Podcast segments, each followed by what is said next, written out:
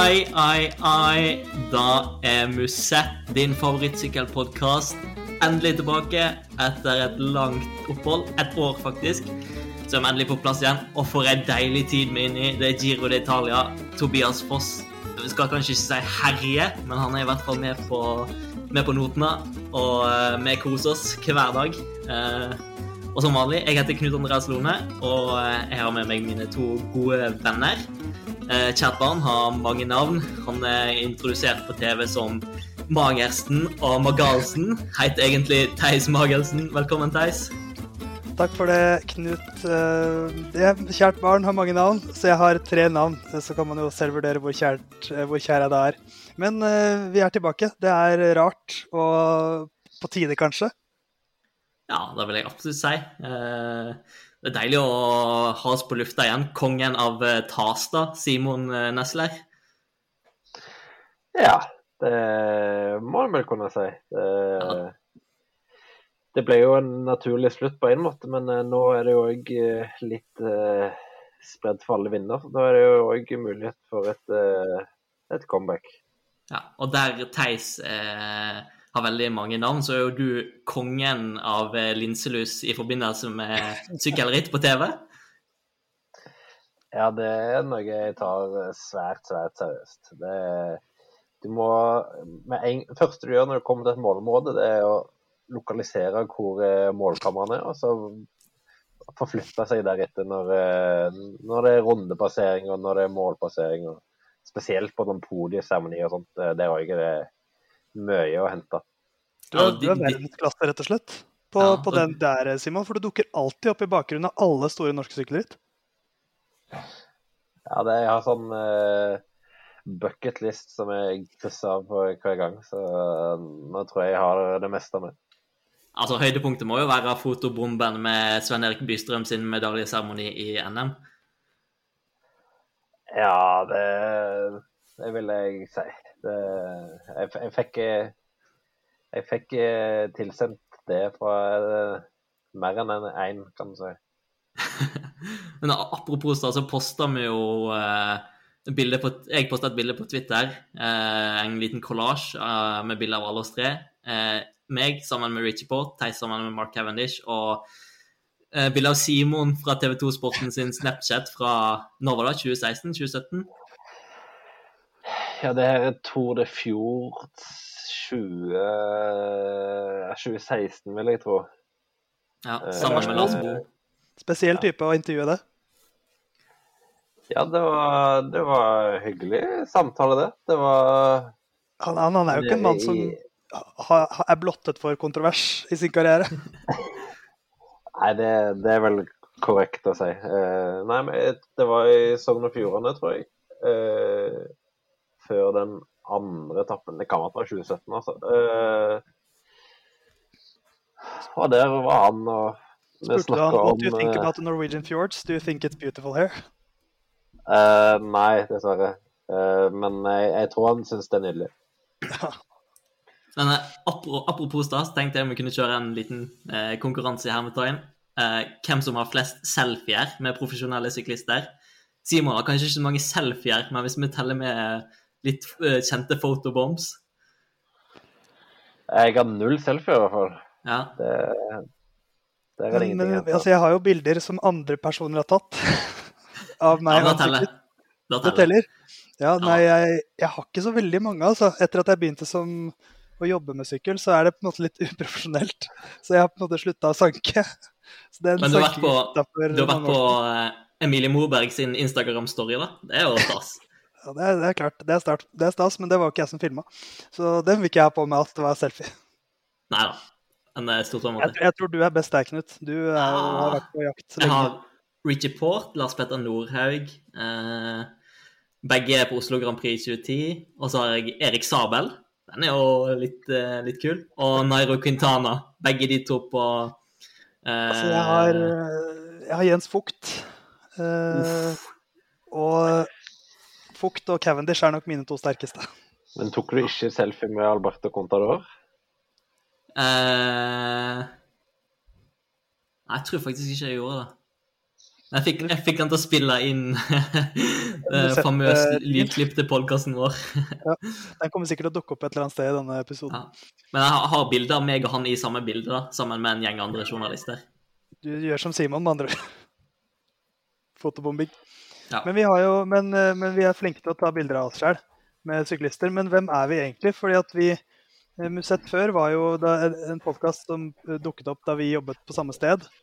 Men for eventuelt nye lyttere, hvem, hvem er vi, og hva gjør vi? Kanskje vi bør ha en liten runde på det? Har du lyst til å begynne, Knut? Ja, jeg kan begynne. Eh, som Theis nevner, så har jo jeg og Simon og Theis alle sammen jobba i, i pro-cycling. Nå er vi litt, uh, litt mer splitta opp rent jobbmessig, men uh, har beholdt det gode vennskapet. Uh, jeg jobber i dag da for, for Landevei. Eh, skriver veldig mye der. Og ellers litt innom Adresseavisa, litt sporadisk.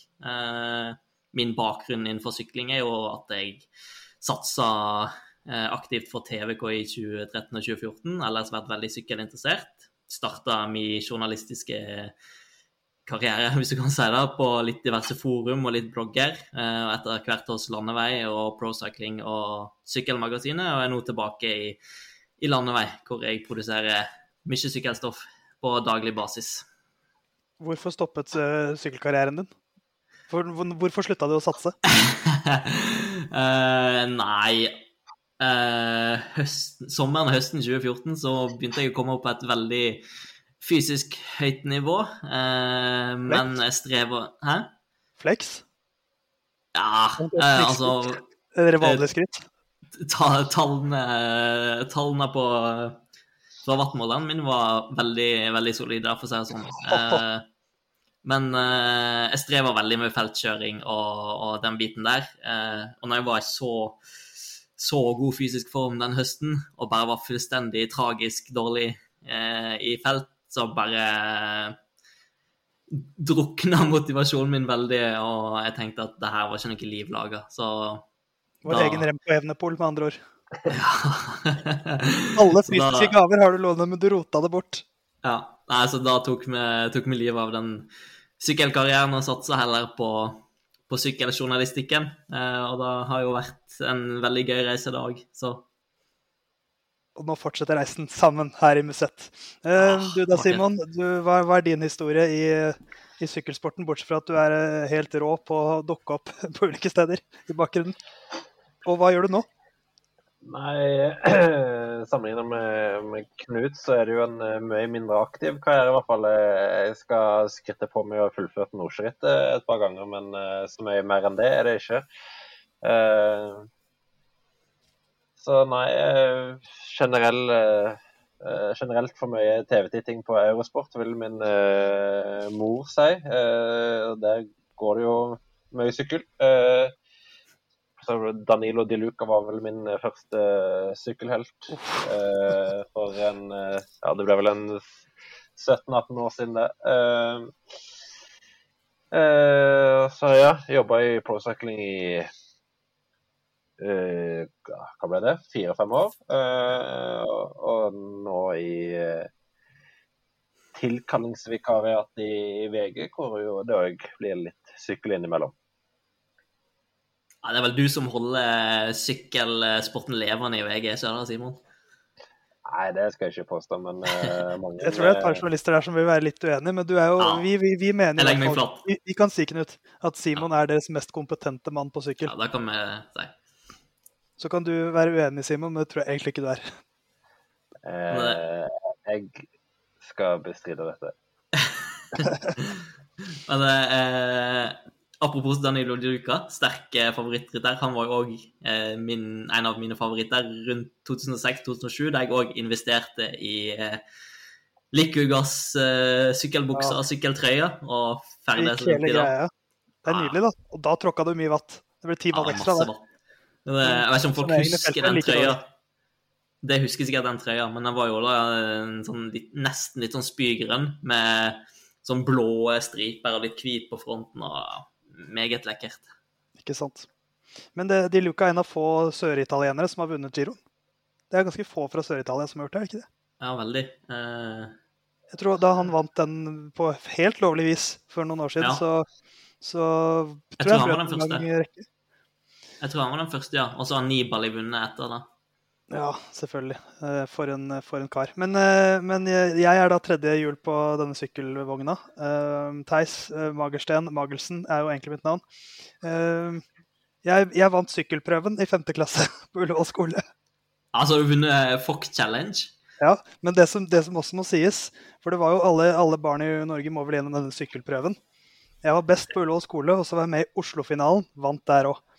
Så jeg vant i hele Oslo, så jeg er den mest lovlige syklisten da jeg, var, da jeg gikk i 5. klasse. Det tror jeg var da jeg begynte å bli interessert i sykkel, for da fikk jeg mestring. Var aldri noen god syklist selv. Syklet jo samme kullet som Bystrøm og holdt stenger og skjerping og sånt, men jeg sykla mest bak dem. Eh, ikke fordi jeg var dårlig i feltet, jeg var egentlig ganske god i feltet, men jeg var dårlig på watt Ai, og ai, på kjørestyrke. Max-watten var ganske bra, men, eh, men, men jeg, jeg fikk aldri vist det fram. Men du har jo fått, fått et av dine mange kallenavn fra sykkelritter? Ja, jeg vant uh, Sørlands treningsrittet Fock Challenge, Feving, Fevik Omegn sykkelklubb, som arrangerer det hver sommer. Uh, sykkelritt med uh, handikap, hvor de dårligste starter først. Første utgaven og andre utgaven, så vant jeg. Uh, så da fikk jeg kallenavnet Theis Taktskifte Magelsen. Uh, på grunn av en rå. Av Baksvatn. Men jeg eh, har jo da også skrevet for prosen.no siden 2016.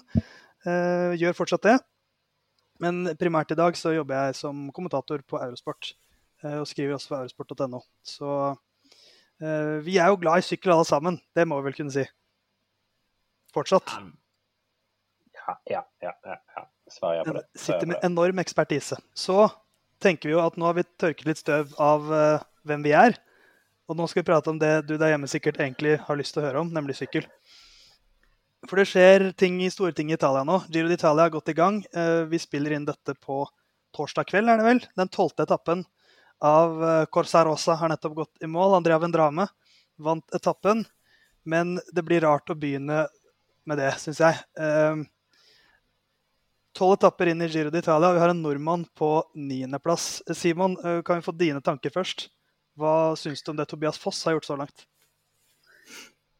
Nei, det er jo eh, eh, rimelig solid så langt. da. Eh, åpner jo eh, bra med eh, tredjeplass med den tempoen. Eh, henger på en måte bra med i de fleste fjellavslutningene, foruten denne på den fjerde etappen hvor han eh, havna litt bak i bunnen av den eh, siste bakken. Eh, og så leverte han jo eh, veldig, veldig bra på denne grusetappen. Eh, så det er vel eh, over det en hadde forventa, kan du si. Eh, Men eh, så langt så minner det meg jo litt om måte, måten Karl Fredrik Hagen kjørte i, i Welton i 2019, med tanke på at du kom inn med lave forventninger eh, og ja, er- sånn 15-20 eh, rundt der på nivå på de første fjellavslutningene, og så måte virker det som man bare blir sterkere utover og, og er med lenger oppe. og Hvis han fortsetter den trenden, så er det jo gode muligheter for å for å i hvert fall holde seg godt inne i topp ti.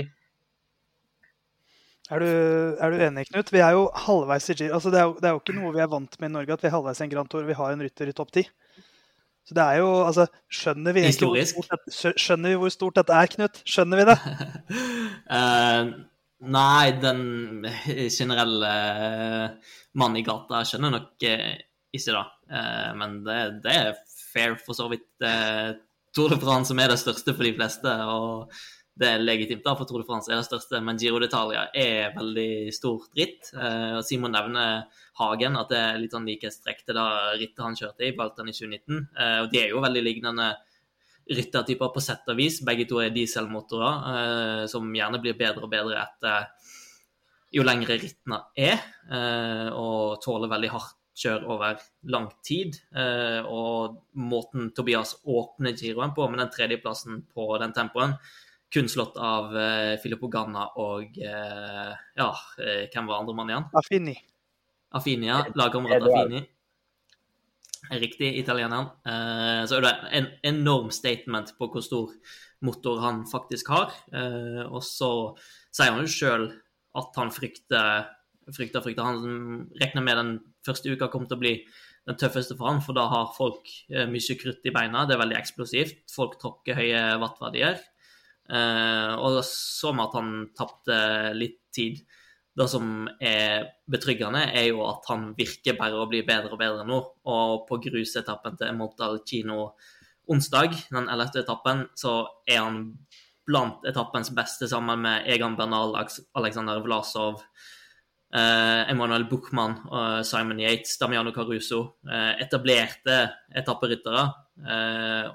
Og Tobias sier sjøl at han føler seg bedre og bedre for hver dag. Han føler han restituerer seg veldig bra. Eh, han er jo uprøvd i Grand Tour. Han fikk ni, ni eller ti etapper i fjorårets Giro før de måtte reise hjem grunnet positiv koronatest, som er jo i veldig ukjent farvann akkurat nå. Men det er jo ingenting som tyder på at han skal gå veldig mye dårligere utover rittet, selv om jeg kanskje skal tone ned forventningene våre litt.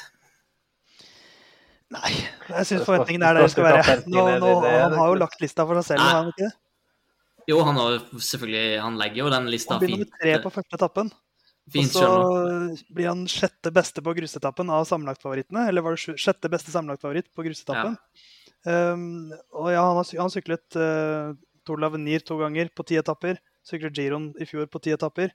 Mm. Så det er jo nå han er inne i upløyd mark, som du sier, Knut. Men han virker så offensiv i hodet. Han virker så klar for det. liksom at Jeg tror ikke han tviler på at, at han kommer til å tåle det. Det virker som han har gledet seg til at nå, nå, nå kan jeg være ordentlig konkurransedyktig. For nå begynner de andre gutta å bli seige. Mens uh, Tobias, når du prater med gamle trenerne hans også, så er det også liksom restitusjon. Hvor, god, hvor dyktig og, og, bra han er på det, er jo noe av det første de, de trekker fram. Så, så, jeg tenker jo at topp ti må man jo si at er ikke bare noe man håper på, men nærmest realistisk. Eller, eller er jeg for uh, hissig, da? Nei, jeg vil absolutt si det er realistisk, men det er jo ting som kan kan slå ut her, selvfølgelig, i og med at han er i veldig eh, upløyd mark. Selv om han er god å restituere seg, så kan jo belastninga bli for stor eh, over lang tid. For sånn som i går, så er han jo oppe og kjemper med eh, flere av verdens beste ryttere i etapprittssammenheng og Grand Tour-sammenheng. Eh, selvfølgelig mulig å, å, gå på en smell, eh, men topp 10, topp 15, topp 20 i det her selskapet er jo absolutt innafor i sin første hele Grand Tour. Eh, men så registrerer jeg jo litt at folk allerede nå begynner Ja, hvis han hadde fått frie tøyler på fjerde etappe, så hadde han eh, sånn og sånn nesten vært i rosa, hvis sånn og sånn. Så folk tenker jo kanskje at han er hakket, basert på gårsdagens resultater, er hakket hvassere enn han har fått lov til å vise, da, selv om det ikke har vært realiteten. For på den fjerde etappen, der han tapte halvannet minutt sammen med George Bennett, så var han hekta av før George Bennett. Eh, men tok han igjen etter hvert, og så kjørte de sammen. Eh, og fra og med sjette etappe så hadde han frie tøyler har kjørt maks, så den tida han har tapt nå, har jo bare vært på ren kapasitet. Men så kommer jo nå da inn i en veldig spennende periode der han kommer til de etappene han regner med han skal gå best på, da. Ja, det ble jo en eh, god test på, på lørdag. Det, det, det, er vel kanskje Sunkolan er vel kanskje brattere enn en enn ideelt for, eh, for, Foss. Men eh, det, det blir jo i hvert fall ja, Hvor lang tid bruker de opp som Kolan? 45 minutter? 50 minutter? eller noe sånt? Det er jo en ganske ren test på hvem som står seg best i, i, over, over, så lang tid, akkurat det. For det, det blir jo mann mot mann. Så Eh, og så er det jo tøffe fjelltapper videre og den avsluttende tempoen til slutt, hvor han jo har sagt at han har store ambisjoner. og Det har han jo all grunn til, for der kommer han jo til å møte en Ganna som er ganske sliten antageligvis etter å ha gjort eh, mye jobb for Bernal. og eh, ja, Hvis han eh, kommer seg godt ut av fjellene, så er jo en eh, det er, det er en grunn til at han er veldig, sier at han er veldig sugen på den etappestemmen den, den, den er veldig realistisk å gå for. For det, det er jo også noe jeg syns man kan nevne til den Giro d'Italia-utgaven, som egentlig gjør meg veldig optimistisk med tanke på Tobias sin framtid, er jo at det er jo egentlig ikke en Giro-utgave som er skreddersydd for Tobias Foss. Det er ganske lite tempo. Eh, det er mye bratte fjellavslutninger. Og, og, at han da, hvis han da henger såpass bra med i en Giro der han sykler i sammendraget for første gang, så, så er jeg veldig optimistisk for framtiden. For han, eh, han, slår meg jo litt som en sånn eh, Tom de Molay-rytter som fort kan utvikle seg litt som han. At tempoferdighetene kommer han til å, til å ikke miste, men sannsynligvis kanskje gjennom et, par sesonger trene seg litt bedre i fjellene, litt bedre på, på eksplosive finisher, men fortsatt ha det fundamentet med tempoer. Så jeg tenker jo at som, som et uh, Grand Tour-emne, så er jo Tobias Foss det han viser så langt. Uansett hva det ender med, om det blir 19.-plass, eller om han kollapser litt på en fjelletappe og taper tape masse tid, eller om det blir nummer fem, liksom, så jeg er uansett veldig optimistisk for det som kommer. For jeg merker at i den Grand Touren her er jeg litt mer opptatt av prestasjon enn resultat, på en måte, hvis det gir mening. Ja, og han er jo en eh, veldig uslepen diamant. Og da har han jo sagt fra starten av at han skal bruke tid på å vokse til en god Grand Tour-rytter. Det er ingenting som skal pushes eh, av gårde her, eh, bl.a. med tanke på vekt. Så har han sagt at han skal bruke litt tid på å, å ja, eh, få av de siste kiloene som han kanskje trenger for å være konkurransedyktig til å vinne Giro d'Italia, Tour de France osv. Da spøker han jo med iblant, og det er òg litt alvor i det. Som f.eks. han sier at på de kalde etappene så er han glad for at han, har noen kilo ekstra. Eh, men det er jo ting òg som selvfølgelig gir utslag i, i motbakken, eh, og som vil gjøre at han kanskje om eh, trenger et par år til før han kan kjempe om seieren. Men starte, hvis han starter med en topp ti her, så er det jo helt fantastisk å bygge videre på det.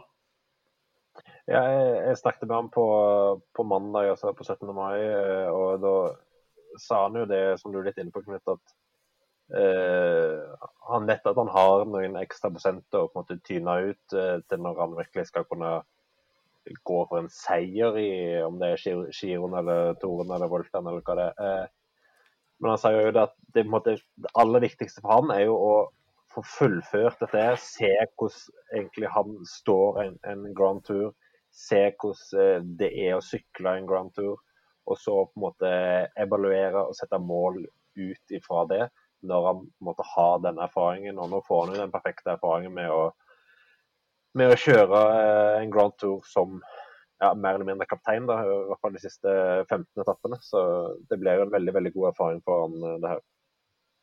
Og så har han jo den siste tempoen også. For hvor god er egentlig sånn i, i verdenssammenheng, hvor god er egentlig Tobias Foss på tempo nå? Man skal ikke legge altfor mye vekt på en tredjeplass, men han har en del veldig solide temporesultater nå på World Tour-nivå. Så når, mm. vi, når, når, vi, snakker om etappeseier på den siste etappen, så er, må jo det være fordi han er blant de beste temporytterne i verden. Ja, den tredjeplassen i, nei, på åpningstempoen, eller prologen, som han kanskje heter, Eh, taler jo veldig for det. Eh, ble nummer fire på tempoen i Baskerland. En tøff tempoetappe der. Eh, så husker jeg ikke helt hvordan det gikk Tempoen i fjor i Giro. Ja. ja. Og så husker jeg ikke helt i farta hvordan det gikk på tempoen i Tireno, siste etappen der. Det gikk ikke så bra. 18.-plass. Men, ja. Eh, men, av de siste fire World Tour-tempoene han har kjørt, så har han vært topp fem i tre av de. Ja. Så det er vel ingen tvil om at han er i nærheten av topp ti i verden, i hvert fall. Og Det virker som han har tatt veldig store steg der. Altså, han har jo sagt det sjøl at eh, han eh, har klart å finne en ekstremt god posisjon som er rett og slett eh, lynrask. Eh, og Det virker som om det virkelig har løftet ham til et eh, nytt nivå denne sesongen. Så det er jo bare å jobbe videre med det. altså vil nok selvfølgelig Leknesund uh, ha et ønske om å eh, kjøre den OL-tempoen. Så den NM-tempoen ble vel fort en ganske utslagsgivende faktor eh, rundt, uh, rundt, den kampen der om den ene billetten. Vi får se. Det, det, blir i hvert fall veldig spennende å følge Tobias videre. Skal vi ta og se litt på sammendraget ellers? For det er jo tross alt åtte mann over han i sammendraget nå, som vi ikke må glemme helt. Um, mye fokus på Remco Evenepool før årets Giro startet. Ehm, men han gikk på en smell på grusetappen og tapte mye. Han er som Lone, sliter med posisjoneringen. Det er alltid det som har vært utfordringen. Men la oss begynne med Egan Bernal, for jeg syns det er så gledelig å se liksom det stjernestøvet rundt han igjen. Det har vært så mye usikkerhet. Mens nå er han Han ser jo, han ser jo bedre ut nå enn da han vant Tour de France i 2019, syns jeg. Han ser mye råere ut, i hvert fall.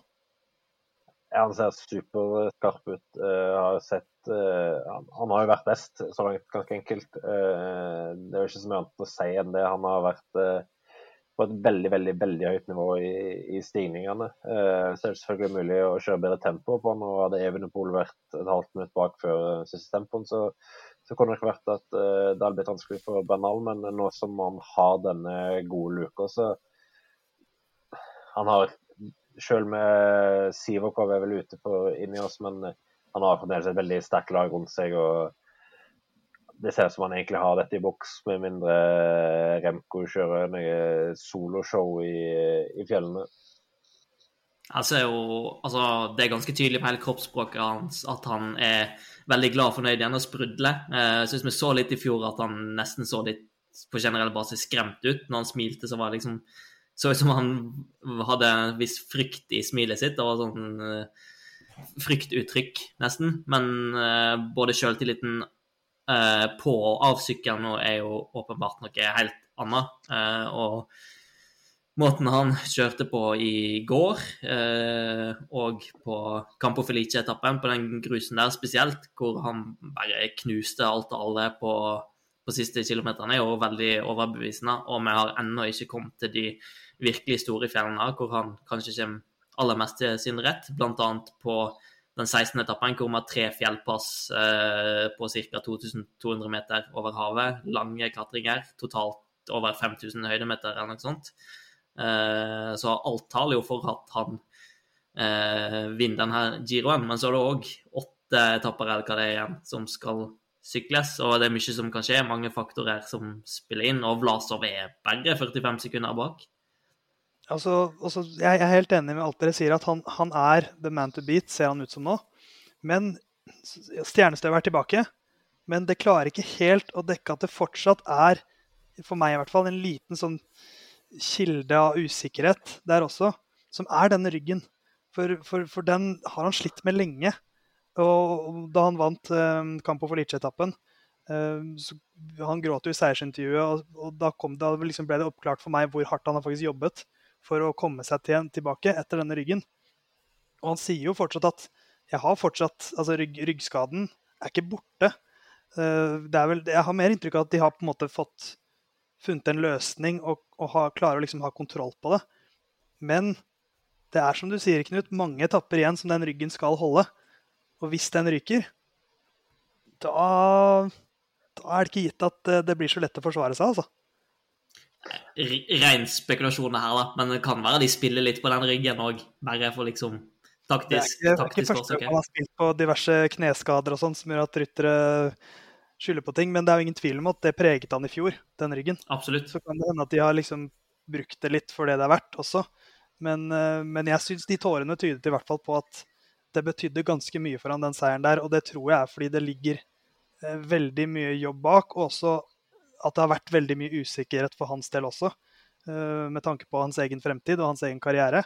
Kanskje fryktet han at den ryggen skulle ødelegge alle sjanser han hadde for framtidig Grand Tour-suksess. Ja, men så eh, et annet moment er jo Jeg har sett et par sammenligner på en måte Bernal til nå med Simon Yates for, for et par år siden. Altså en som på en måte tar hver sjanse for å for å kjenne noen sekunder her og der eh, tidlig i rittet. Det, selv om at jeg kanskje litt, litt, gikk litt høyt ut og mente at det nesten var i boks. Så plutselig så det, står jo beina helt stille i, eh, på en av de eh, fjelletappene i siste uke. Så alt, alt kan jo skje, selvfølgelig. Har, da har du smertefull erfart med Tibor Pinot, Simon, som så flying ut i toren her for et par år siden. La oss ikke få Simon til å gråte nå, apropos tårer. Men uh, vi, kan jo, vi, kan jo, prate om, om, resten av lista, for Remco Evenepool må må vi også ta her, syns jeg. Uh, han lå jo strålende plassert i sammendraget helt til uh, grusetappen. Tapte masse, er nå nede på sjuendeplass. To, altså nesten to og et halvt minutt opp til Egan Bernal. Men så syns jeg allikevel vi må si at det han har gjort her, etter å ha ikke sykla et ritt på en halv evighet, og som debutant i Grand Tour-sammenheng, det er jo helt uforskammet. Ja, det er fryk fryktelig bra. Eh, altså, nå snakket vi litt om før sending her. Vi har noen gamle spalter der vi deler ut et rødt startnummer eh, i positivt fortegn og Lanterne Rouge i negativt fortegn. Og så kommer jeg brått på her at uh, Lanterne Rouge kan vi jo bare dele ut til alle journalistene som mente at Remco Evenepool var, om ikke toppfavoritt, kanskje den nest største favoritten til å vinne Giroen. Og det blir litt for dumt, spør du meg, i hvert fall. Uh, når han ikke sykla ritt på, på, ni måneder, aldri sykla en Grand Tour. Uh, så den kan få Lanterne Rouge i dag. Så trenger ikke vi dele ut noe rett startnummer nødvendigvis. For du, du tror han er ute av det, da? Nå har, vi snakket mye om at, nå har vi snakket mye om at det er mange etapper igjen her, men du tror, han, du tror ikke han kan komme seg tilbake? Jeg tenker at når du som Er han 20 eller 21 nå? Han er 21, er han ikke det? Ja. Som 21-åring inn i den første Grand Tour. Du har ikke sykla ritt på ni måneder. For tre måneder siden var du nesten helt ute av trening, om ikke helt ute av trening. Eh, så begynner du å spurte om bonussekunder på flate etapper.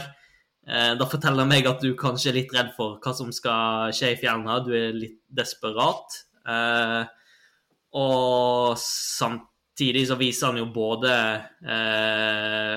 fysiske og psykiske svakheter på den grusetappen i går.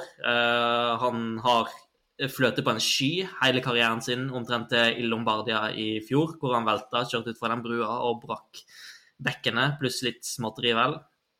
Eh, har nesten aldri hatt motgang. Eh, og starta syklene da han var 16, nei 17, 16, 17, der omkring. Eh, og sykla nesten aldri i felt i juniorklassen fordi han var så overlegen, så han sykla bare fra alt alle. Eh, så det skorter jo veldig på de tekniske ferdighetene hans, eh, og fikk rett og slett rundhjuling på den, den gruseetappen. Eh, og det er ikke sånn at det nødvendigvis blir så veldig mye lettere å sykle i fjellene. Det er en del tekniske utfordringer der òg. Eh, samtidig som det åpenbart skorta fysisk i går, nettopp fordi han ikke har sykla ritt på, på ni måneder og strengt tatt er fremdeles i en gjenoppbygningsprosess. Er du enig, Simon? I slaktet fra, fra Lone her? Uh, Evenepool er ferdig, sier Lone. Jeg sier ikke han er ferdig, men Jo, han er ferdig som toppsyklist. Han er ferdig, det er bare å gi seg. Jeg forstår momentene, jeg forstår momentene og så kan vel uh, argumentere at uh, alt ikke har fløtet på en sky med tanke på uh, de 14 veltene han hadde i juniorritt i, i VM i Bergen. Men, men altså, ja Du ser det jo på den grusstappen på onsdag, du ser det på den fjellavslutningen som òg er på grus. Altså, han han har en del å hente i denne absolutt måte, ypperste posisjonskampen. Det, det, der har han absolutt mye å hente. Uh, og det å være komfortabel på den type terreng. Uh, men uh, jeg tror han havner på pallen, med mindre han er mentalt slagen etter, etter den tappen. Men det jeg tror jeg egentlig ikke han er, så jeg tror han havner på pallen. For det er det jeg lurer litt på, da hvordan påvirket denne etappen han mentalt? For jeg synes jo at kunne, Det var, har vært mye skriverier om alt det styret med Shao Almeida som ikke ville tilbake, og så kom han tilbake til slutt, og bla, bla, bla. Men da jeg så Remco Evenepool der, som reiv ut øreproppen sin, og så gikk det noen minutter, og så tok han den inn igjen og så, Det var jo tydelig for meg i hvert fall at dette var en helt ny erfaring for han. Mm. Eh, litt som du snakker om, Knut, at dette er en, en, eh, en veldig ung syklist som er veldig vant til å være i den andre enden av sykkelrittet. Og det å skulle begrense tidstap og, skulle, og måtte jage noe og, og, bare kjenne på at du ikke er den sterkeste, og ikke bare kan belage deg på det. At du faktisk I dag må du ha det vondt, og du må begrense tidstapet ditt. Det, det tror jeg var en helt ny opplevelse for han. Han kan ikke ha smakt på det mange ganger i sin karriere. Uh, Fjorårssesongen hans helt fram til Lombardio var bare en eneste lang seiersmarsj. Han vant vel alle etapperittene han sykla i fjor. Så, så, jeg er litt spent på hvordan han klarer å om han klarer å snu det til noe positivt. Om det, klarer, om det liksom Kan han seg selv, få seg selv til å havne i angrepsmodus igjen? Eller, eller blir det en slags sånn Shit, det, det, gikk ikke. Nå er det bare å se hva vi kan redde her. Klar, tror dere han klarer å liksom reise seg etter det der? For det, det må ha vært litt jeg tror, jeg, tror, jeg tror, det føltes ydmykende for han. Ja, han er ikke vant til det. Altså, Han er jo åpenbart sterk i hodet eh, når ting går til hans fordel. Han har solobrudd i San Sebastian som varte i flere mil, vel.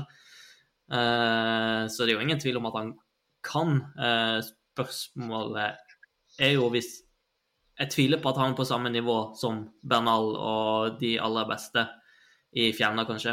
Eh, sånn som ting er akkurat nå, i hvert fall. Eh, så da vil han jo mest sannsynlig få gjentatte smeller eh, hver dag. Så det blir veldig interessant å se hvordan han tåler det. Jeg vil si det var veldig tydelig at han ga opp i går når han rev ut den ørepluggen. Det var ikke bare at han rev ut den ørepluggen, men det var ganske tydelig at han sakka litt av og bare ville bort. Og så kom Almeida tilbake, og så eh, stakk Almeida igjen. Nesten som han fikk beskjed av Evnepol om at nei, du må bare kjøre, for jeg gir eh, flate her. Eh, men så begynte han å, å kjøre igjen, da.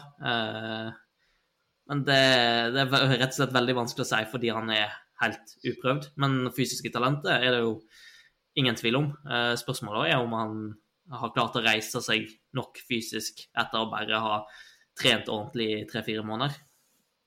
Jeg tror egentlig han kommer mer til sin rett i de eh, fjelletappene med ja, to-tre fjellpass og lange, lange stigninger enn det han har gjort i den første uka, da, kan, du si, som var litt mer eksplosiv. Så jeg tror egentlig han kommer til å klatre ja, jeg tror kun det er Bamal som er på bedre nivå i, i fjellene enn Evenepool. Men uh, vi får se hvordan det blir. Ja, det, det, er jo det som er fascinerende med den giroen her, at det er så mange usikre faktorer. Ikke bare rundt Evenepool, men også Bernal, rundt Bernal, som vi også pratet litt om. Men vi skal ikke glemme de andre her. Uh, vi kan jo ta et lite sveip av resten av, av sammenlagtlista. Etter da den tolvte etappen så leder Bernal 45 sekunder foran Vlasov Caruso følger på 1.12, Hugh Carthy på 1.17, Simon Yates på 1.22, Emanuel Buchmann på 1.50, Evenepool på 2.22, eh, Chicone 2.24, Tobias Foss 2.49 og Daniel Felipe Martinez, hjelperytter til Egan Bernal, får vi tro, 3.15 bak. Um, jeg vet ikke hvor vi skal begynne. Simon Yates var jo manges store favoritt. Han er nummer fem. Uh, han er jo fortsatt med, men har jo sett litt uh, litt uh, defensiv ut i han å være. Hugh Carthy har imponert, Caruso har imponert, kanskje. Blasov i hvert fall.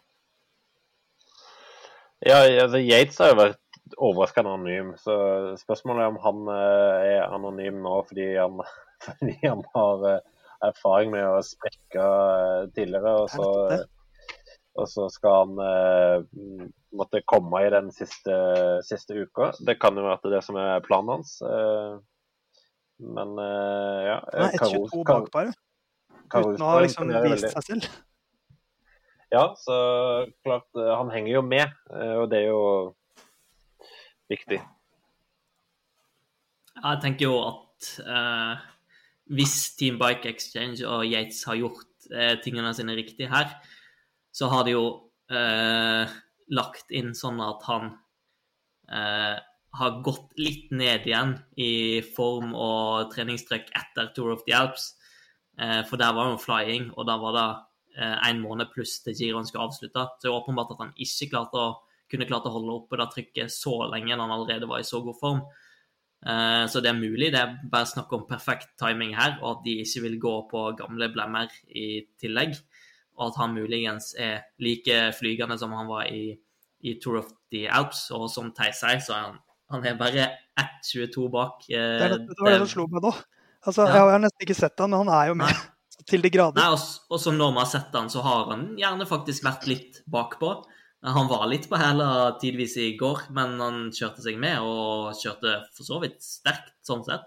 Eh, så han er jo definitivt der oppe. Og sånn som han klatra i Tour of the Alps, eh, så mm, matcher han kanskje Bernal. Kanskje kjører han til og med fra han, eh, alt etter som hvordan ritt og form utvikler seg utover. Så jeg vil jo si at han absolutt er med i miksen.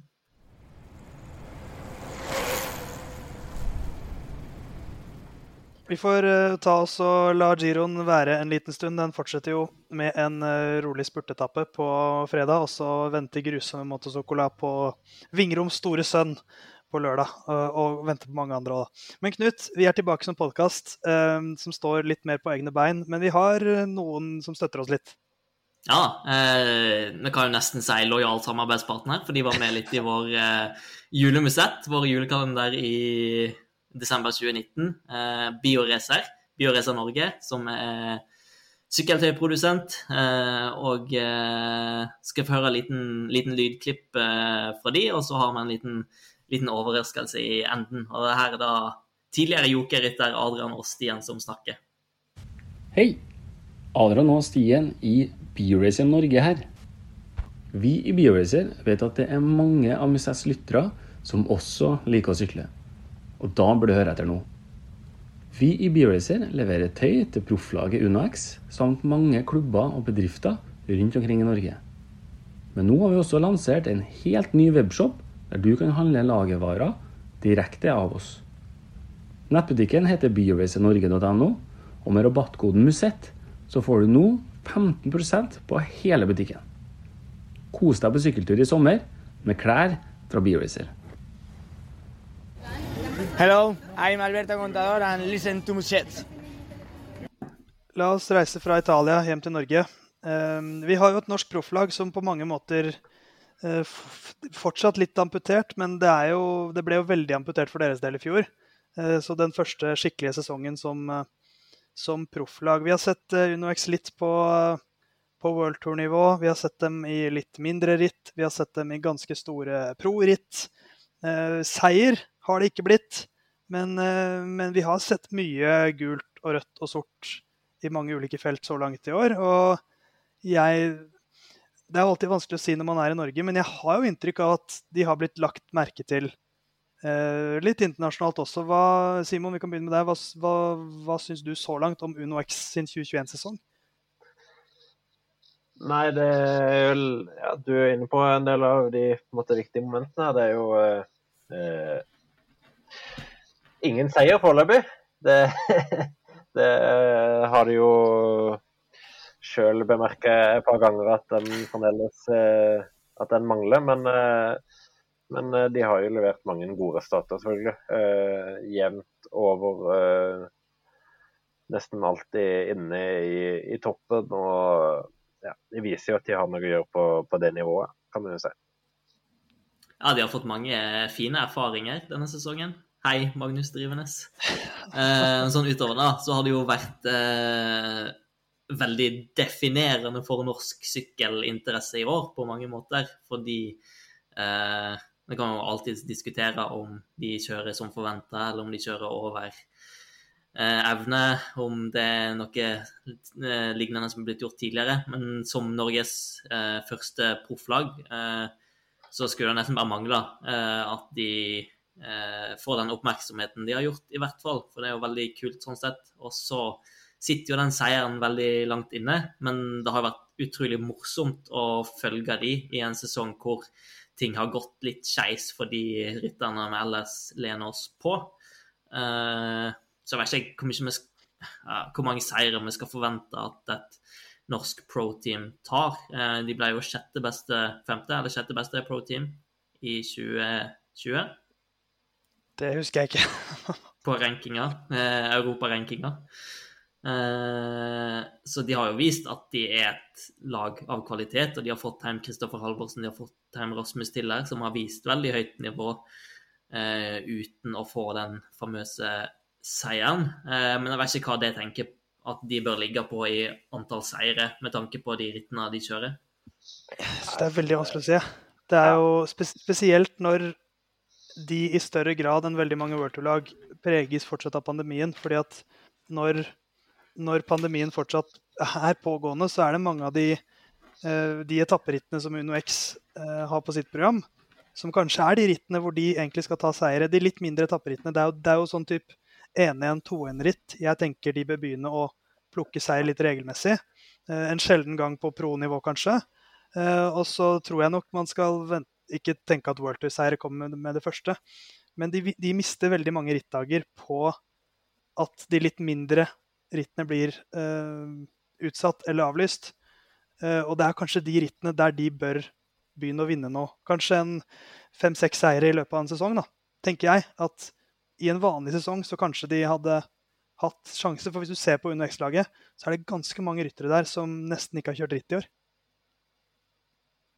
Ja, absolutt. Så det er nok av ritt som har blitt avlyst og utsatt. eh, Og det er jo nesten ikke 2-2-ritt eller 1-2-ritt som, som kjøres i det hele tatt. Eh, Det begynner heldigvis å bli litt nå. eh, Så det er jo klart at eh, det mannskapet Uno X har, er godt nok til å ta mange mange seire i løpet av en sesong, men det handler selvfølgelig om hva ritt du kjører. Eh, Og nå har du jo altså i hvert fall du kan si på eh, i typiske klassikerritt. Det er jo litt sånn eh, bred betegnelse, men eh, i, i de endagsrittene i, ja, i Frankrike, i Belgia, eh, så har de jo på en måte nå klart å virkelig ha en veldig lang gruppe på ti-tolv ryttere som, som holder et veldig høyt nivå. De har fremdeles en Daniel Hoelgaard i, i bakhånd som ikke har debutert for sesongen. så den, den gruppa de har i, i, i klassikerne nå, den,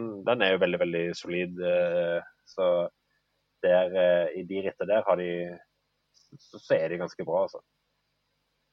Ja, altså, vi kan si det sånn som at de beste de aller beste rytterne de har, altså Rasmus Tiller, Kristoffer Halvorsen, Markus Olgaard, eh, kanskje et par til, de er jo kapable til å sykle på World Tour-nivå, noe som de òg har eh, vist. Kanskje spesielt Markus Holgaard, som ble nummer eh, åtte i E3 Saxo Bank Classic. Eh, han og Jonas Iversby Widerberg eh, og Erik Nosæter Resell kjørte strålende i Kyrne Brussel-Kyrne mot veldig god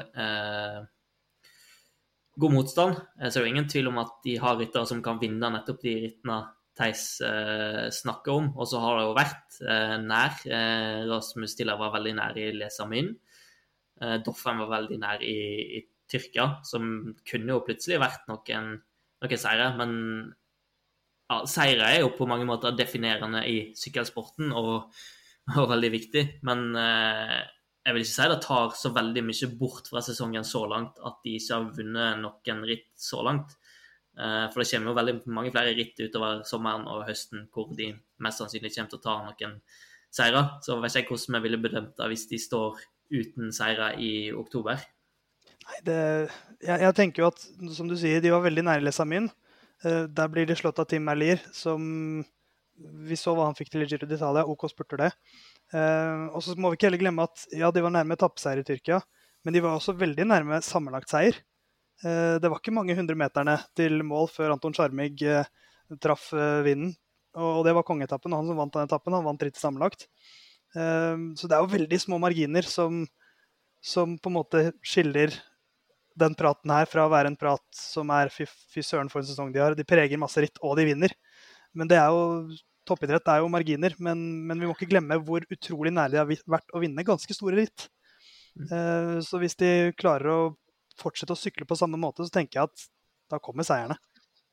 Ja, det er jo spennende som du er inne på med, med, med Charmig. Eh, de hadde jo før sesongen en Du kan si eh, så var det jo en klassiker spurtsida-lag laget som var klart sterkest. Eh, så hadde du ja, Sleen, Torstein Træn, Ida Andersen med flere som kunne gjøre en god jobb i, i fjellene.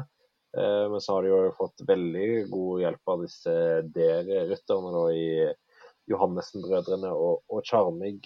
Og det virker som de nå har noen veldig veldig spennende klatrere på gang. altså det Johannessen-brødrene og Charmig har jo vært veldig lovende. og de, de har jo nye sjanser til å vise seg fram nå. Ja, De neste ukene så kommer det en baby-giro som jeg tror skal bli veldig veldig spennende å følge. Der, det forventer jeg vel egentlig at de skal være med og kjempe i toppen, sånn som de har kjørt så langt i år. Så tenker jeg om vi skal uh, ha i bakhodet uh, ja, Hvis du da har den innstillinga at Uno X står uten seier, og at det ikke er godt nok, skal, skal vi tenke litt på at filosofien de har, handler vel så mye om prestasjon og utvikling, selv om de stiller veldig tøffe krav til uh, hva rytterne presterer. Uh, så har UnoX et sykkellag har et veldig trygt fundament, eh, veldig bra opplegg rundt, som satser hardt lang tid fremover. Eh, lang tid fremover. Så det er nødvendigvis ikke sånn som et fransk, italiensk, spansk lag eh, der sponsoren ville tuppa laget på huet og ræva ut uten resultater. Eh, og som jeg har sagt, ingen tvil om kvaliteten så resultatene eh, har vært her, og seierne vil komme. Vi har et norsk pro-lag, men vi har også flere norske proffer på World Tour-nivå. Eh, vi kan jo oppsummere litt hvordan det har gått så langt med våre um, proffer på øverste hylle. Eh, vi kan begynne med, med den troikaen vi har på kvinnesiden. Katrine Aalerud, Susanne Andersen og Stine Borgli for Movistar, eh, for DSM og for FT Sjøen jeg syns vi skal begynne med Katrine Aalerud, Norges beste ardennersyklist. Eh, mer og mer etablert i den posisjonen, syns jeg veldig, veldig fin utvikling. Ja, det virker som du har det veldig fint. I, i Movistar lærer jo av eh, en god læremester, kan vi vel eh, si. Annemiek van Fløyten. Det virker som de har fått et fantastisk eh, godt eh, forhold. Eh, og jeg tror nok Aalerud kan, eh, kan dra mye ut av, av, å ha van Fløyten på laget. Så veldig solid eh, kjøringshold. Mm. Ja, det er jo ingen tvil om at da samarbeidet der er helt gull for utviklinga til Katrine. Eh, hvis vi ser på karrieren hennes, så starta hun i high-tech, eh, gikk til danske Virtu, før hun gikk videre til Movistar. Eh, men hun har alltid vært den beste klatreren i både high-tech og Virtu, mest sannsynlig. Før hun kom til Movistar, da var det heller ingen store, veldig store stjerner der. Så hun har liksom aldri hatt noen lagvenninner eller treningskamerater som har vært helt ypperste verdenstopp, som har kunnet eh, pushe henne til å ta det neste steget. Eh, selv om hun har tatt gode steg gjennom hele karrieren sin og vist eh, tidvis stort potensial, bl.a. i var klatra veldig godt i Giro Rosa eh, og hadde gode resultater i fjor høst, for all del. Nær topp ti i både Flesh Ballon og eh, topp ti i Liège Bassong Liège. Hadde en veldig god noen gode etapper i Giro også, så det er jo ingen tvil om at hun har veldig stort potensial. Men nå tar hun åpenbart veldig mye fra Anne-Mik van Fløyten. De har vært på lange treningslærer på Tenerife sammen. Og eh, det er tydelig at uh, Katrine er pusha til et nytt nivå. Og så er det ganske tydelig, syns jeg, at van Fløyten er på et sted i karrieren sin hvor hun har veldig lyst til å lære opp også. Jeg, jeg tror det er mye av grunnen til at hun trengte et, et lagbytte. At hun, hun, hun, hadde lyst på et nytt miljø hvor hun kunne lære nye ting. Men hun har også vært ganske tydelig på at hun, hun liker å lære bort. Og det er tydelig at hun har funnet en elev hun trives veldig godt med, Katrine Aalerud. Så jeg tenker jo egentlig at Aalerud er nesten litt Man kan nesten si litt det samme om henne som vi sa om Uno X nettopp. At eh, det er utvikling som er veldig nøkkelordet for hennes del nå. Posisjonskamp. Eh, det vet du alt om hvor vanskelig det kan være, Knut. Eh, det har Remco også fått, uh, fått, lukte på, at du kan ha alle fysiske gaver.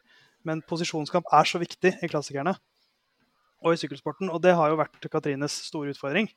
Uh, så, så, den ellevteplassen i Amstel Gold Race, som jo er den Ardenner-klassikeren som passer henne dårligst, det var jo hennes beste sånn, egne resultat i Ardenner-uka. Som jeg syns bare er så utrolig oppløftende. At det virker som om hun mer og mer løser den biten. Og hvis hun løser den biten, da har vi en, en, syklist som kommer til å bare bli enda, enda bedre. For hun, jo, hun er jo en strålende klatrer allerede.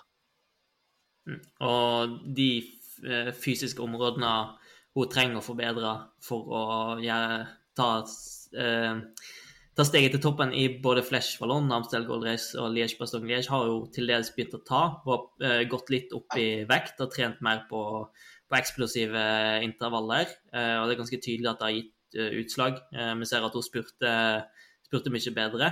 Og så kan vi jo argumentere for at van Fløyten har låst henne litt i de klassikerne i år.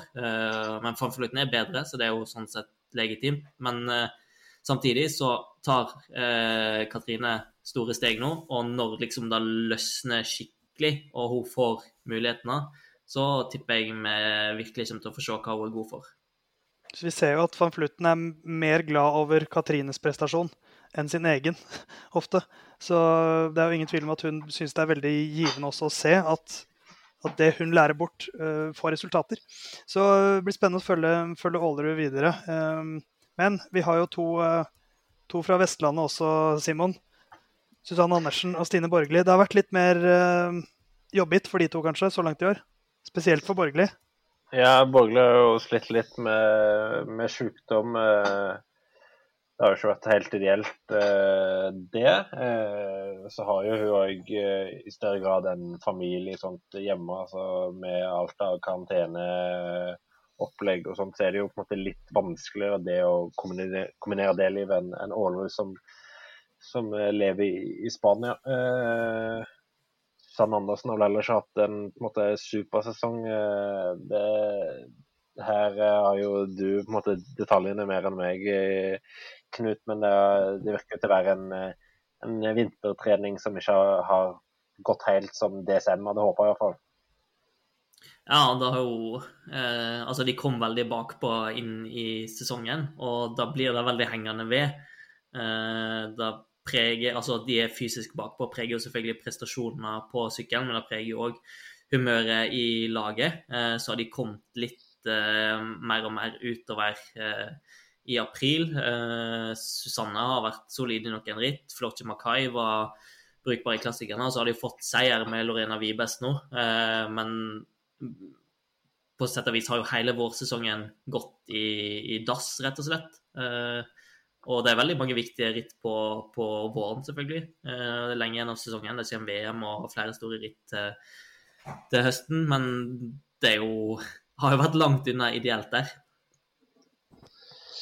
Ja, så da får du bare satse på at eh, det blir bedre. Altså, det kommer jo et VM som passer både Susanne og Stine Borgerli ganske bra. Så jeg tror nok begge de håper på en eh, bedre vårsesong, nei, bedre høstsesong enn vårsesong. Så, så får vi se om det, om det blir tilfellet. Og begge to er jo veldig, veldig ambisiøse. Borgli har jo meldt hardt på sine mål. Susanne er fortsatt, uh, fortsatt ung. Uh, så jeg tenker når vi får se de i god form, så er de oppe og kjemper i mange ritt. For å fokusere på herreproffene vi har, for å holde oss i samme del av landet. Alexander Kristoff og hans sesong så langt. Vi kan jo fokusere mest på, på vårklassikerne. Det er på en måte der våre topper på herresiden har, vært, har hatt sine mål så langt. Ingen seier så langt i år for Kristoff. Og en klassikersesong som var ikke helt som man hadde håpet på. Nei, den ble jo litt uh, prega av, av sykdom. Man uh, kom sjuk ut av Paris-Nice. Skjøt seg vel mer eller mindre i senk i San Remo med sykdom i kroppen. Og på en måte kom jo i, i bedre slag utover. Uh, kjørte jo ganske bra i, i Varegem.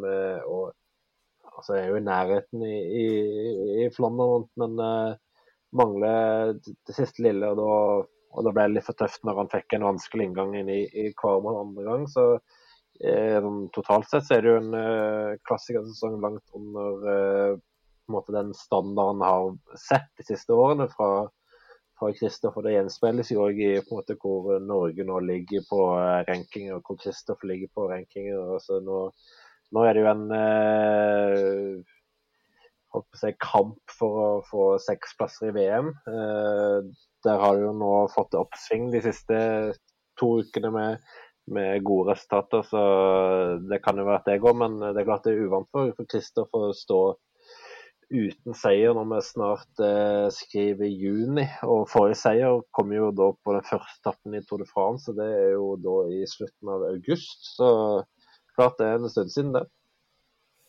Ja, det har bare vært lugging fra ende til annen her med en luring som kjører inn i bakhjulet hans i omløpet Newsblad når han kunne kjempe om en seier der. Han blir sjuk etter Paris-Nice, som en god del andre òg ble, for så vidt. Og den radio som trøbler for han i, i Varegem. Hva er Varegem for uinnvidde, Simon? Var står Flandern. Da står Flandern. Eh, altså, det har vært bare det har ikke vært fryd og gammen, for å si det sånn.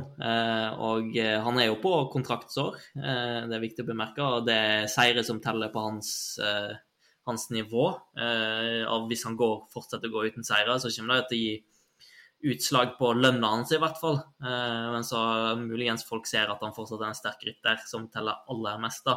Og det som er betryggende, er jo at etter Flandern så sier Stein Ørn at nivået hans det er godt nok til å kjempe om podiet i Flandern. Eh, og det er jo mulig for Steineren å sammenligne, fordi bl.a. Mathieu van der Poel legger ut vattfinen sin fra Flandern rundt, der han blir, blir nummer to. Eh, så det er, jo, det er jo betryggende. Men uh, det tærer jo nok på uh, selvtilliten til Alex at han ikke har noen seire. Uh, men nå har han hatt en lang pause, tilbake i konkurranse på, var tilbake i konkurranse på Mallorca, hvor han var nær en seier. Og det kommer muligheter uh, nå allerede denne uka, hvor han er i aksjon i Vuelta Andalusia. Så vi får vel bare håpe at den første seieren er rett rundt hjørnet. Det ordner seg. Det er kontraktsår, så det må det uh, for Kristoff sin del. Og så skal vi ikke glemme at det er syv måneder siden han ble nummer tre i Flandern rundt.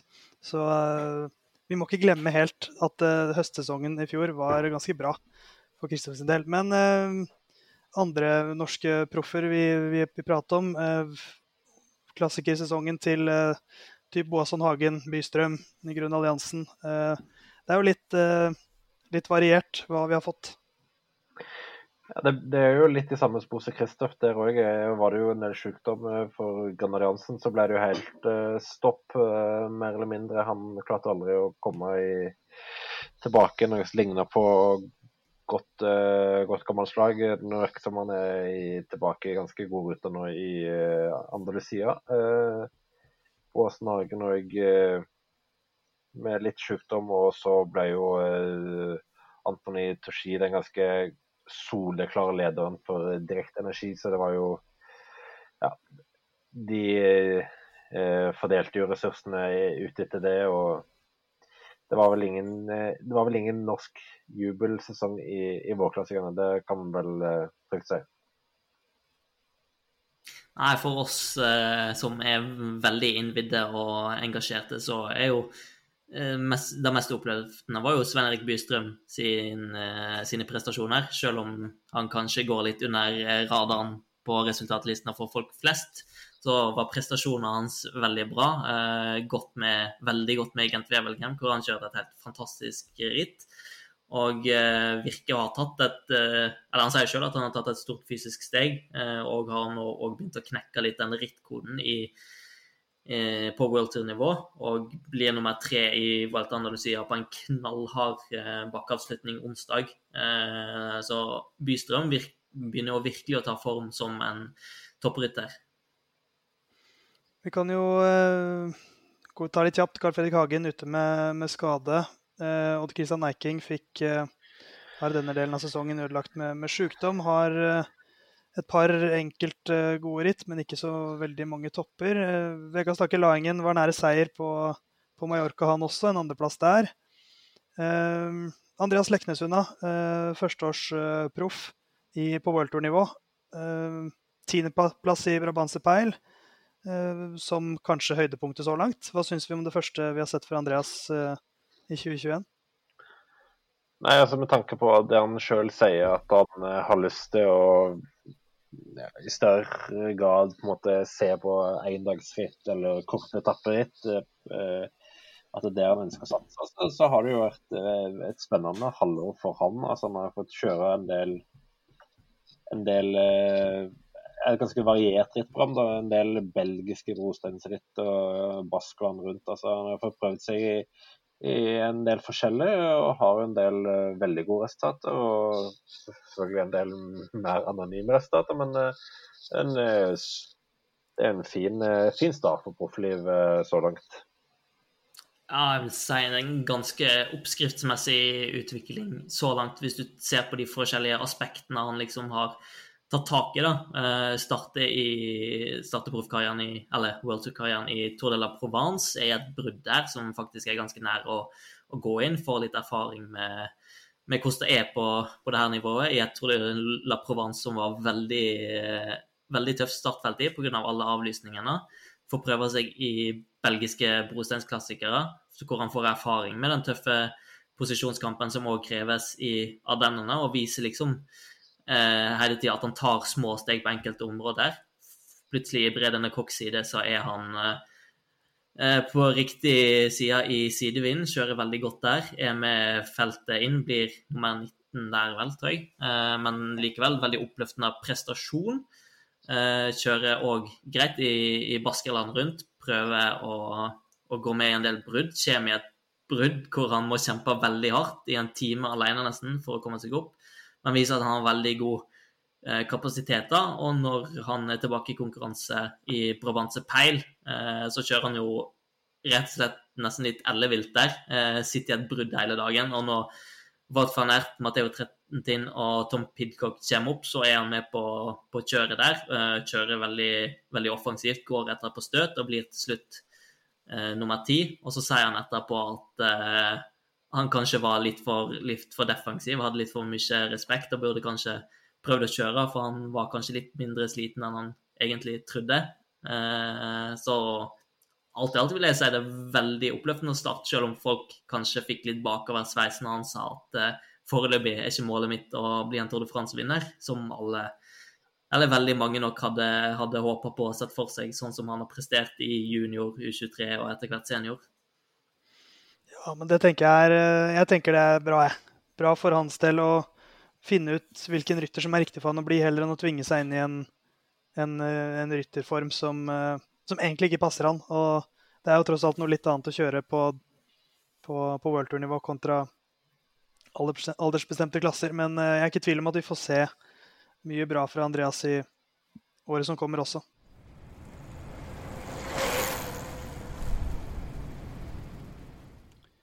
Vi nærmer oss eh, slutten på eh, Musett sitt comeback, men vi skal ikke slippe Tobias Foss helt enda. Eh, for det, alle vet jo at i sykkelsporten så har alle de beste rytterne de har ganske kule kallenavn. Vincenzo Nibali er jo min favoritt, med, med, som kalles for Haien fra, fra, Messina. The Manx Missile er jo, er jo Mark Cavendish. Eddie the Boss, kanskje ikke det kuleste kallenavnet som fins, men, men uh, noe er det jo i hvert fall. André Greipel, Gorillaen. Det er ganske mange kule kallenavn. Alle, alle, de beste har jo kallenavn. Så jeg tenker Tobias Foss er såpass god nå at han fortjener et eget kallenavn. Um, for vi kan ikke bare gå rundt og kalle han Toby. Uh, det er det Dagotto som kaller fotografen sin. Uh, Toby. Master Toby. Det kan vi si til Tobias Foss når, når noen farlige ryttere jakter på han. Men jeg har laget ni forslag til kallenavn på Tobias Foss. som en hyllest til hans nå, niendeplass i Giro d'Italia. Eh, så jeg skal presentere de for dere nå, eh, Knut og Simon, og du der hjemme som hører på. Eh, så vil jeg at Knut og Simon skal komme med sine favoritter etter at lista er over. Lokalnavn nummer én, det tenker jeg det er, det er et, av, et, av, de bedre. Lokomotivet fra Vingrom. Han er jo temposterk og umulig å stoppe når han først får opp farten litt. Akkurat som et lokomotiv. Så jeg tenker at den, den er ganske fin. Så har vi en litt filmatisk vri her. The Tobinator eh, som spiller på The Terminator. Eh, og The Terminator er jo en som jager på deg, og som aldri gir seg før han får tak i deg. Litt sånn som Tobias Foss kjører bakkene. Det er et jevnt, høyt tempo helt til han tar deg inn. Eh, The Terminator er ganske skummelt, så hvis, det, hvis, vi skal ha noe mer barnevennlig, så kan vi kalle han Tobias i Toren. Eh, det spiller på Kardemommeby-karakteren Tobias i tårnet. Eh, og passer jo veldig fint hvis Tobias skal sykle Tour de France en gang. Da tenker jeg at Tobias i Toren kunne vært en sånn Tour Norway for kids-aktig greie. Um, og Tobias i Kardemommeby er jo en veldig klok mann. Uh, og Tobias er jo en, en, ganske fornuftig fyr, så jeg tenker at den mentale biten stemmer også. Uh, så er det en litt mer, med litt mer lokal forankring. Nummer fire det er Birkebeineren. Uh, han er jo fra Lillehammer kommune, fra Vingrom, som ligger i Lillehammer kommune. Og kommunevåpenet til, til Lillehammer er en birkebeiner.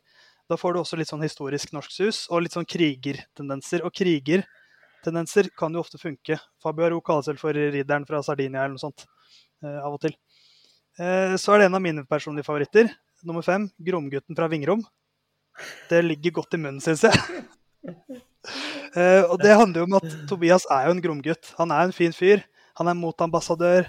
Han er alltid flink med, med fans, flink med journalister han gjør veldig mye sånn riktig, sånn som en god gutt og en gromgutt fra Vingrom skal. Så gromgutt, Gromgutten fra Vingrom. Eh, så er det en som jeg tenker kan være litt inspirert av eh, Jumbo Vismas beste rytter, Primoz Roglic. Eh, det er å kalle Tobias for skiskytteren. For han drev jo med, med skiskyting tidligere i karrieren, så jeg tenker at her har vi muligheten til å få en, en, norsk sykkelmeme. For det er jo en meme at Visste du at Primoz Roglic drev med skihopp tidligere i karrieren? Og nå kan vi heller da si Visste du at Tobias Foss drev med skiskyting tidligere i karrieren? Um, så har jeg en ny, en, ny ordspillvariant som er Spiller også på litt at, at, Tobias er en fyr med hodet på rett plass, som er Jumbos Wiesmann.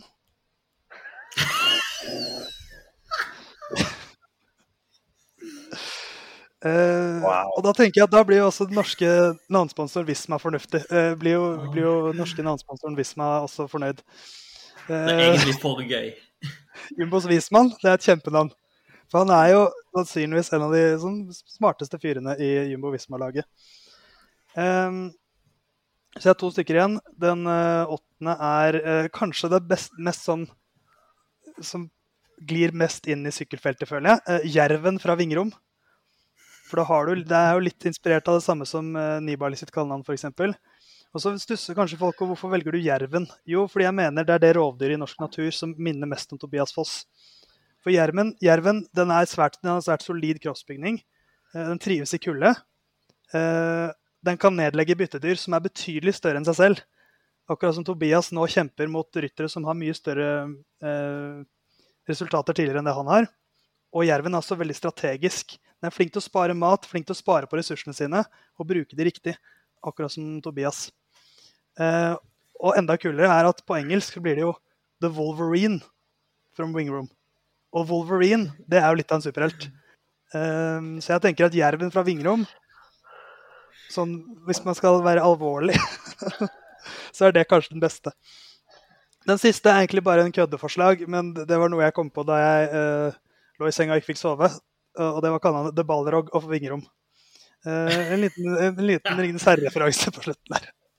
Oi, oi, oi. Ja, det her er enormt knipsing eh, for Theis. Det var ni forslag. Jeg vet ikke om, har, om det er én som skiller seg ut hos hver av dere.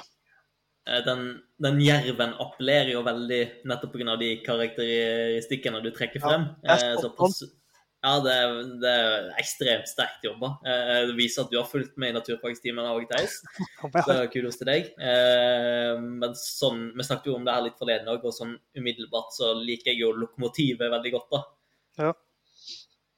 ja for min del så er det ganske klart det er Jumbo Vismann. Jumbos, det er viktig gentilfnesten her. Jumbos Vismann. Ja. Men altså, det som trekker den ned, er jo at uh, Jumbo Vismann-navnet kan jo ryke når som helst. Så ja. da står vi jo litt på bar bakke igjen. Vi kan bruke det så lenge laget heter Jumbo Visma. Da, da er han Jumbos Vismann.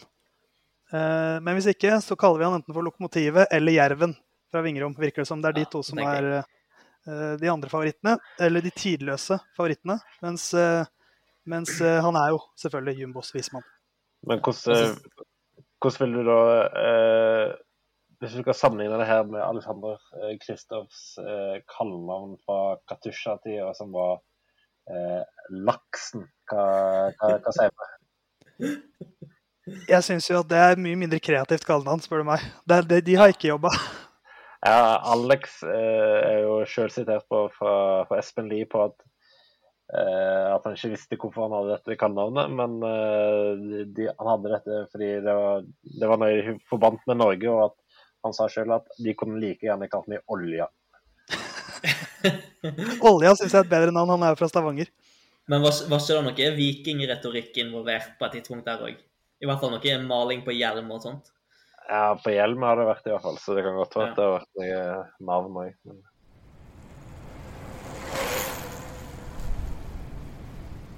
En lang eh, episode, og god episode, av Musett drar seg mot slutten. Eh, vi satser vel på at vi hva sa du?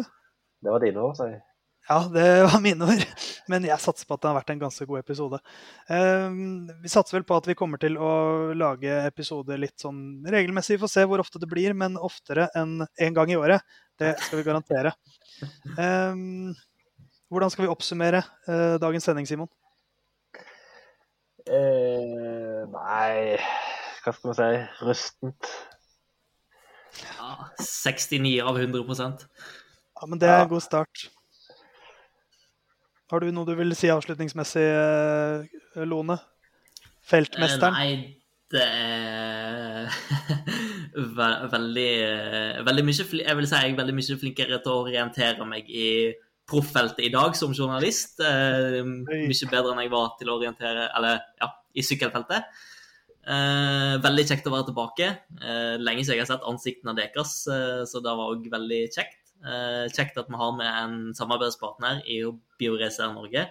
Så benytter jeg gjerne av eh, rabattkoden MUSET for 15% avslag. Så eh, handle sykkelklær og komme seg ut på, på sykkelen. Eh, og så registrerer jeg at DK2 sykler ikke så mye, men det er mye løping. Jo da, må holde oss ja, i, i form på en, en eller annen måte. Jeg, har ikke sykkel, jeg.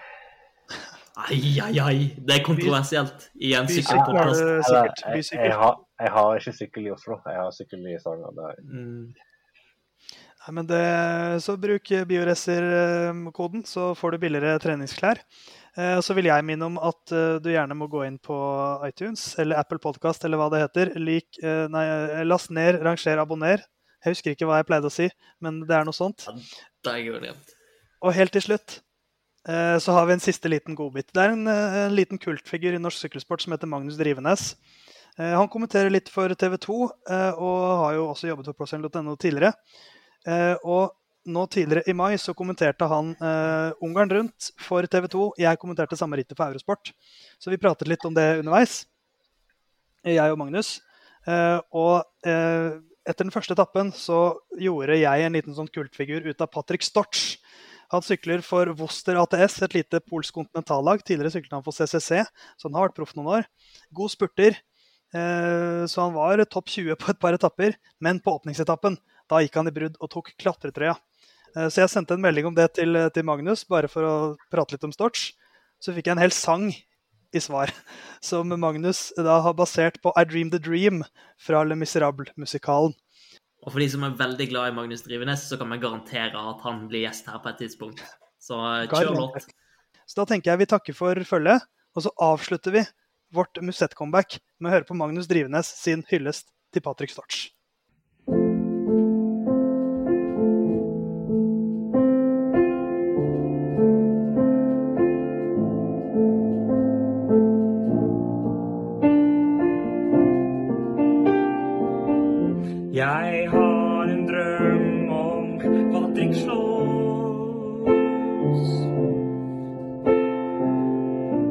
At han kan forsvare poengtrøyen. Unnskyld, sa jeg poengtrøyen? Jeg mente klatretrøya.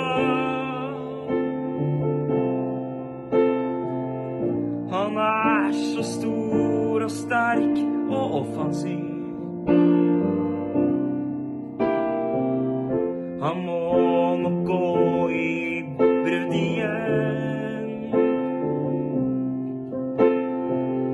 Men i et brudd så er han farlig. Når han er så god til å spurte så har han alle muligheter. Men det kan jo ikke